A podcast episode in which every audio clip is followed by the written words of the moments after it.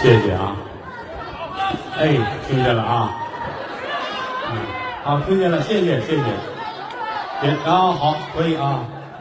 好些人都很爱我啊。是啊，哎，好，啊、拿牌子去。嗯、什么呀？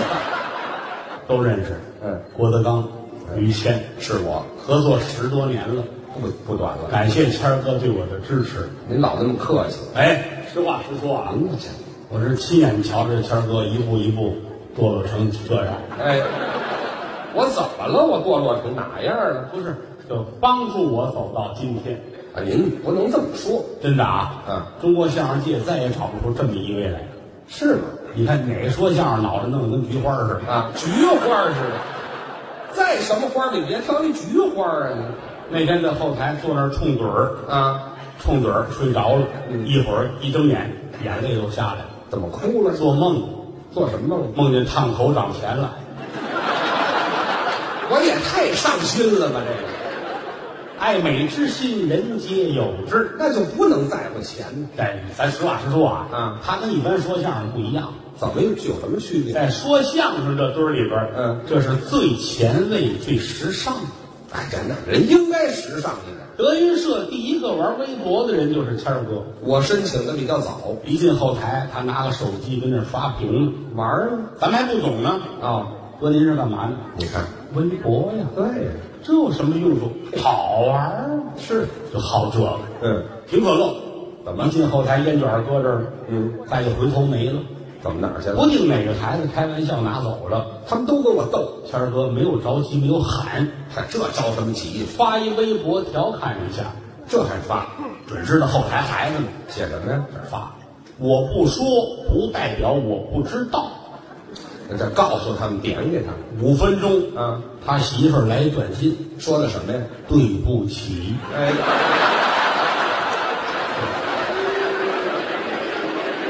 我这破了多大的案呢？我这是吓我一身冷汗。有你什么事？啊有你什么事啊儿？别往里掺和这个了。这玩意儿一晃十多年啊，也太平不是也哎晃。 我跟脚啊，这个你跟他无论怎么开玩笑嗯都不为过，交情在那儿呢心胸宽广，应该这样。这说明什么 了？大户人家的孩子就是不一样，哪谈不到大度？心有多高，眼界有多宽，哎，开开我眼界，这是正经大户人家的。您过奖从小家里有钱，啊，倒是富裕啊我不是捧你啊，啊，这个捧你没有意义，是实话实说。嗯举一个例子，啊，于老师吃奶吃到上小学，我倒是断的晚一点儿，啊，有的那个家里边儿，嗯有孩子得了一岁，嗯，断奶吧，嗯，当妈的得上班儿去啊，就是挣钱呢，就有那个宠的，嗯两岁这就不短了。也得掐奶了，是到农村三岁了有，就了不得了，人家嗯知道上学，呃，就那么长，为什么呀？嗯，家里宠啊，后来大了，嗯大了能自己吃东西了，哦，就说句良心话，跟人家比，我们就不叫吃饭了。怎么呢？我们这个炒个土豆，弄个扁豆，熬个茄子啊，馒头加个酱豆腐就吃饭了。哦，人家那讲究，怎么个讲究法？比如说喝鸡，嗯鸡汤，嗯，必须是当年的母鸡。哦，小小雏鸡儿，啊，说过了不行，嗯，拿手一摁这个老母鸡啊，胸前有个人字骨，嗯对，拿手一摁，那人字骨软，嗯，不到一年，还没长成呢就，这么讲究。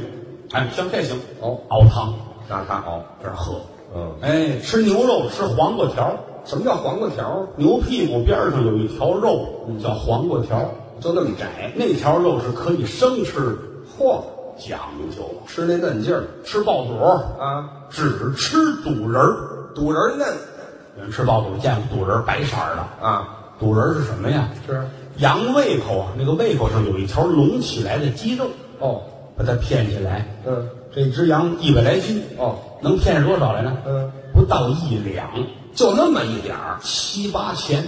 好家伙！嗯说一盘肚仁儿得六七只羊才能凑得上。拼这么一盘儿，就这么讲究。嗯吃猪肉啊吃小里脊肉，什么叫小里脊里脊分大小，啊？大里脊就是那个肋排那个骨头去那个肉嗯叫大里脊，小里脊呢，脊椎骨的内侧那个肉剔下来，嗯那叫小里脊，这也不多吧？太讲究了。哦买肉他得亲自站着看，那得挑啊。看着卖肉也得剔，是哎，往上一站，嗯，谁是猪啊？开心呐，啊啊！我干嘛这这样意思要这个，啊？不敢骗他，那是给他炫下来，嗯，上称一要，比如要三斤，是，不够，那怎么办？卖肉的都觉得对不起他，那干嘛？啊，有猪头，咵切一块，补上，哎这送你不要钱，你看看送都不要，怎么不要对，啊你别别别来，啊我不要脸，啊？没听说过，有这么跟人说话的吗？不不要猪脸，你把这猪字儿带出来呀、就这么讲究。啊？你包括穿衣服，嗯，上台演出穿这是传统的服装啊，到台底下于老师换上自己的衣服，你能看傻了。怎么傻了？母仪天下，啊，没听说，男的我是还女穿这份讲究啊！啊？除了工作，净出去玩去了，啊，那我好问，走遍天下，看一看风光秀丽，这叫旅游，哪儿都去没事儿说哪怕只有半天功夫，也得出去玩去。也得逛逛去，晚上演出，白天没事儿出去了。早晨全家人开着车，有一大黄车，对，走喽，啊上西天喽，我们作死去了是怎么着？看红叶那大是。红叶子跟上西山了对不起啊，腿不利索，啊，腿不利 索，核桃有问题。嗨，好这玩就儿上西上西山，要说这些日子有个三五天，那乐了。出的远门儿哎，算时间能到哪儿，怎么个开心法儿啊，厉害是而且又爱问说哪有天灾人祸，干嘛呀？哪儿下大雨了，必须得去。干嘛去？哎，看高兴百年不遇啊，什么心态啊啊？雪灾这都爱看。前些日子说哈尔滨雾霾，雾霾怎么了？乐的呀，干嘛往上得蹦，嗯嘣儿嘣儿的蹦，啊，活鱼钓出来了是怎么着？高兴。啊开车奔哈尔滨，啊！没瞧过雾霾。我在北京倒没瞧过雾霾啊。你那些日子没菜，哎，对，我也不撩窗帘了，我。哎开车嗯，哈尔滨哦，到哈尔滨傻了。嗯，你想啊，看那伸手不见五指啊！那几天是厉害。下了车站这儿，嗯，我瞧不着。哪有人呢？嗯，站这儿傻了。问问路。旁边有一大哥站在那儿，赶紧问人家老家怎么走。嗯人家好心眼儿，是。往那边去，哦，直接走上大道了。你瞧，谢谢您大哥，嗯还是您了不起。是，你怎么这么熟呢？对哎我也是下来找道儿哦啊，道是找着了啊，车找不着。哎，好家伙，这雾霾得多厉害呀！这别老跟国内玩，个啊，国外玩去，啊，出出国吧。几乎啊，几乎都去到，哎，反正眼前的国家就，差这个什么新几内亚食人族部落还没去哎，那也是胆儿小啊。据说那边发请柬了，啊！我就嚯啊，啊， 请柬了摆，哎餐桌上嗯，哪儿都去。你一到机场就看出这个人是不是老出国。是吗？有的人那不总出国呢，啊，不总到机场，一到那儿安检，您把外套脱了，没脱外套啊？是啊你看，您把那个手机得拿出来，嗯或者有的您靴子得脱了，哦过安检得查。是，于老师到这儿轻车熟路，我老出去，哎，人安检的也是，啊，哎，这这穿都穿上，穿上，光着了，我还轻车熟路呢，我上人机场洗澡去了是怎么着？穿这嘿，穿穿上，穿上，可不是得穿上吗？反正哪儿都去，啊，哪儿都去。嗯，新西兰去过吧？那当然去过，新西兰那个地儿有意思，是依山傍水，好地方，当地人花那钱叫纽币。没错。因为过去有人管它叫纽西兰，啊，对，哎，所以花那钱叫纽币。是当地人夸谁特别有钱啊，就说这个人呐，啊，没听说过，这不是新西兰夸人的，这个，这就是老北京这儿夸人哎的，啊，你说你太有钱了。没有这么叫的。于老师到那儿大把的花纽币，我有的是纽币哎就为吃海鲜，啊，那挨着海边就为吃海鲜。新鲜于老师去吃最新鲜的，是吧？倒瓶红酒啊系上那个饭单行啊吗？嗨，餐巾，拿着刀拿着叉，嗯，哎，坐那儿一会儿都是大盘子，挺大盘子，哎呀海鲜，嗯紫菜、海带，啊，没听说过，我上海里拔去吃是怎么着？啊，嘿，很开心，哎我想点，哎，对，这儿哪儿都去啊，呃，新加坡也去了，学学带着我去，对，头一回我没去过新加坡呀、啊嗯你别看离咱们这儿近没去啊谦儿哥带着我，嗯，走到街上，那真是街上特别的干净，对花园城市是就是热闹。那那那我们俩跟新新加坡逛街，嗯，走着走着，对过来一姑娘，女孩儿，我好歹跟演艺圈也这么些年了，嗯，见过演员女演员见了好些个，您是没这姑娘这么漂亮。哦，那好看，走一对脸儿，嗯一把搂着于谦儿，抱着就亲，有热情的，我都傻了。哎呦，嗯，嗨，别犯不上火，好家伙啊，开放，嗯，亲完了，我问这姑娘，你认识于谦儿？嗯，不认识啊，哎，不认识亲什么呀？不认识你亲他呀？对呀、新加坡不让随地吐痰。啊，怎么那么恶心呢？拿我当痰盂儿了，这个很好，很好，好什么？么呀？还去过那地儿叫什么？啊，拉斯维加斯，那是美国的一个城市，美国的城市，沙漠边儿上新建的这么一城，这呃赌城。当年没有，嗯就为了耍钱是弄这么一城。哎，到那儿他可得意了，我爱玩啊。好家伙，赌场，对，这跟这个北展剧场似的，得有这么大这儿喝那是如驴得水，啊，如驴得水，如驴得水。如鱼得水，四饼沾麻，哎，什么玩意儿这是？四烧饼沾芝麻。哎，这这还是烧的吗？狗屁！哎呦，这儿这儿跟退冰河，嗯这儿敲三尖儿，那有这像这样？儿炸金花，好家伙！所有赌场都傻了。是啊，这孙子哪儿来的？哎，这好，人都骂上了。哎，有那小姑娘穿小短裙儿，是，烫着头发，是画的挺漂亮。哦，端个盘子，嗯，各种酒水，那是服务员不要钱，啊，随便喝。随便喝。是，他乐了。干嘛这么馋呢？ Hello，这交流是个事儿就会这么一句。啊 Hello，姑娘乐了，啊！老蒋，河南人呐，我那儿碰一河南人，玩儿喝玩命喝啊哦，很开心。那是哎，还有一回带我去那地儿叫啊，比利时，哎，咱们去过一次，比利时。哎呦，我那那大年头哪出国呀？嗯人谦儿哥带着到比利时布鲁塞尔玩儿玩玩去啊，到那儿眼不够使的。是啊，国外是这样啊。嗯没想到怎么这儿这么多小孩儿的雕像呢？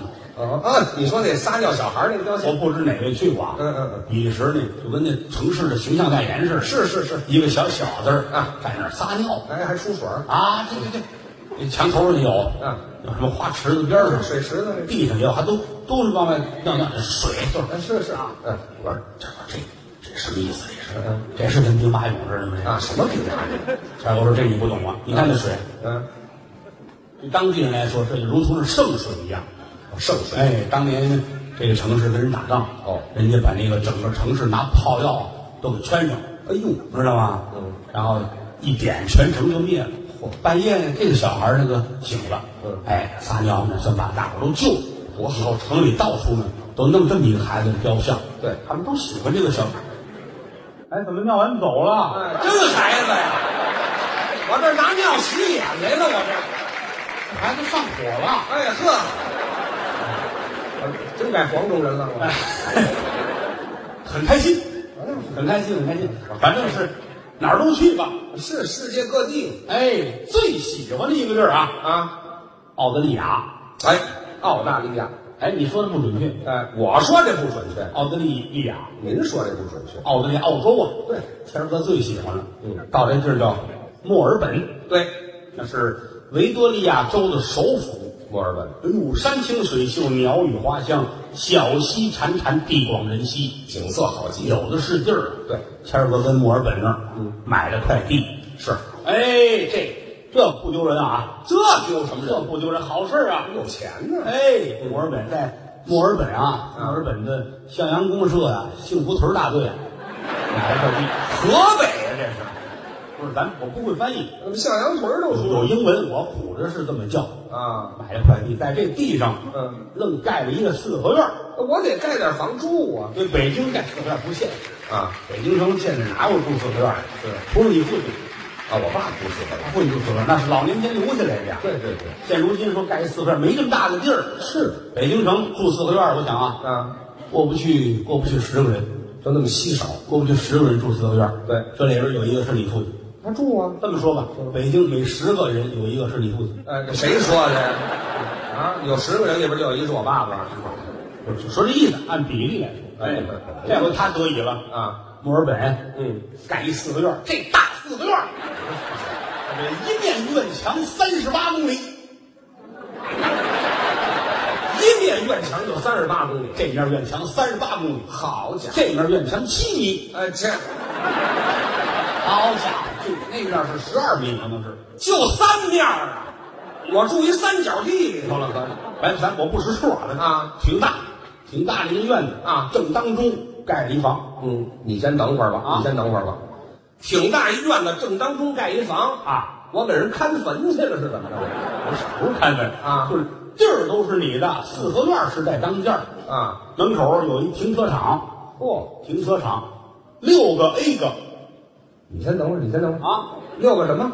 ，A 个什么叫 A 个呀？ A 个是人外国人的计量单位啊，一 A 个相当于六亩地，一，哎呦嚯，六 A 个，一 A 你个，看看六六不少了，三，嗨，三十六亩了，门口停车场三十六亩地，这就全是停车场了，这里头门口啊，这这三十六亩地，停飞机的，啊停大炮的，停轮船的，全有停汽车的，朋友多停自行车的啊，停轮椅的。啊，嗯，还有轮椅，三十五亩地是停轮椅的，我这帮残疾朋友全是轮椅来来的是。慕名来的，走吧啊，看看天儿去吧。哎，好，哎在家待着好不好呢？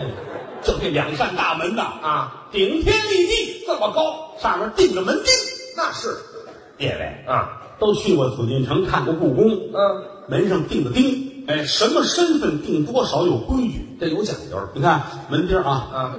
这样的对吧？一排一排的，对这叫路。哦，哎，横着一路，竖着一路，嗯，多少路配多少路，哦说明身份。怎么个讲法？皇上家里边啊，嗯，九路配九路，上下都九路，八十一个钉子。您听听。皇家，嗯亲王家里边啊七路配九路，哦，一般的王爷，嗯七路配七路，是。官宦人家，嗯五路配五路。哦，您这个，嗯，二三路走九幺七路，哎呀，我这就奔农村去了，是怎么？还有仨字数的这个，随便来，随便来，不限制。哎，就是丢的多，反正哎，进来之后，快到二门这儿了啊。二门有四扇玉屏风，是洒金星，嗯四个斗方写的是这嗨，不像话了，您这个啊，还写这四个字儿干嘛？应该是写的是斋庄中正，背面 是这什么乱七八糟的？什么门？这严肃整齐，肃整齐。对进二门方砖漫地，海漫的院子啊夏景天儿高搭天棚三丈六，嗯四个堵头写的是贼星高照，这不像话，应该。吉星高照，院里有对着花盆石榴树，嗯茶叶墨色儿养鱼缸嗯，九尺多高架胡桃，哎迎春、探春、栀子翠、百梧桐树，嗯各样鲜花，各样洋花，真有四时不谢之花，八节长春之草。对，正房五间为上，嗯前出廊后出煞，东西厢房，东西配房，东西耳房啊东跨院茅房带茅房，西跨院茅房带茅房。哎，全是茅房，那得多能拉呀，这个。就这么说这这边是茅房，这边是厨房，啊？对对对，没看清楚，没看清楚啊。说清楚了吗？到座书房五间，纳文待客厅，嗯啊满都是明宅夜合的窗子，可扇儿的大玻璃。夏景天儿挂虾米须的帘子，嗯冬景天儿是紫口封门，讲究。往屋里一看，画露天机，别有洞天。屋里有什么？啊迎面北丈八条案，上有尊窑瓶、狼窑罐、宣窑盖碗、古月轩的果盘。嚯、案前摆一木八仙桌子，一边一把花梨太师椅，啊嗯墙上挂着闪缎的被窝、闪缎的褥子，呃，尿炕了是怎么？这被子都挂上去墙了。上挂什么？这名人的字画，唐伯虎的美人，吕元璋的山水，刘山的扇面，铁宝的对子，板桥的竹子，松中堂一笔虎字。对，白天家里冷清啊，晚上都回来可就热闹了。人多呀。灯光闪烁，霓虹璀璨，是谈笑有鸿儒，往来无薄丁啊！他们家姐姐妹妹也多，没错一个个儿磨其灯，跳其亮，剪其头，烫其发嘿，屋里屋外欢声笑语不停。客人们一高兴，给你们家送了块匾，四个大字：富贵吉祥，天上人 间。哎，是感感谢您的收听，去运用商店下载 Patreon 运用城市，在首页搜索海量有声书，或点击下方链接听更多小说等内容。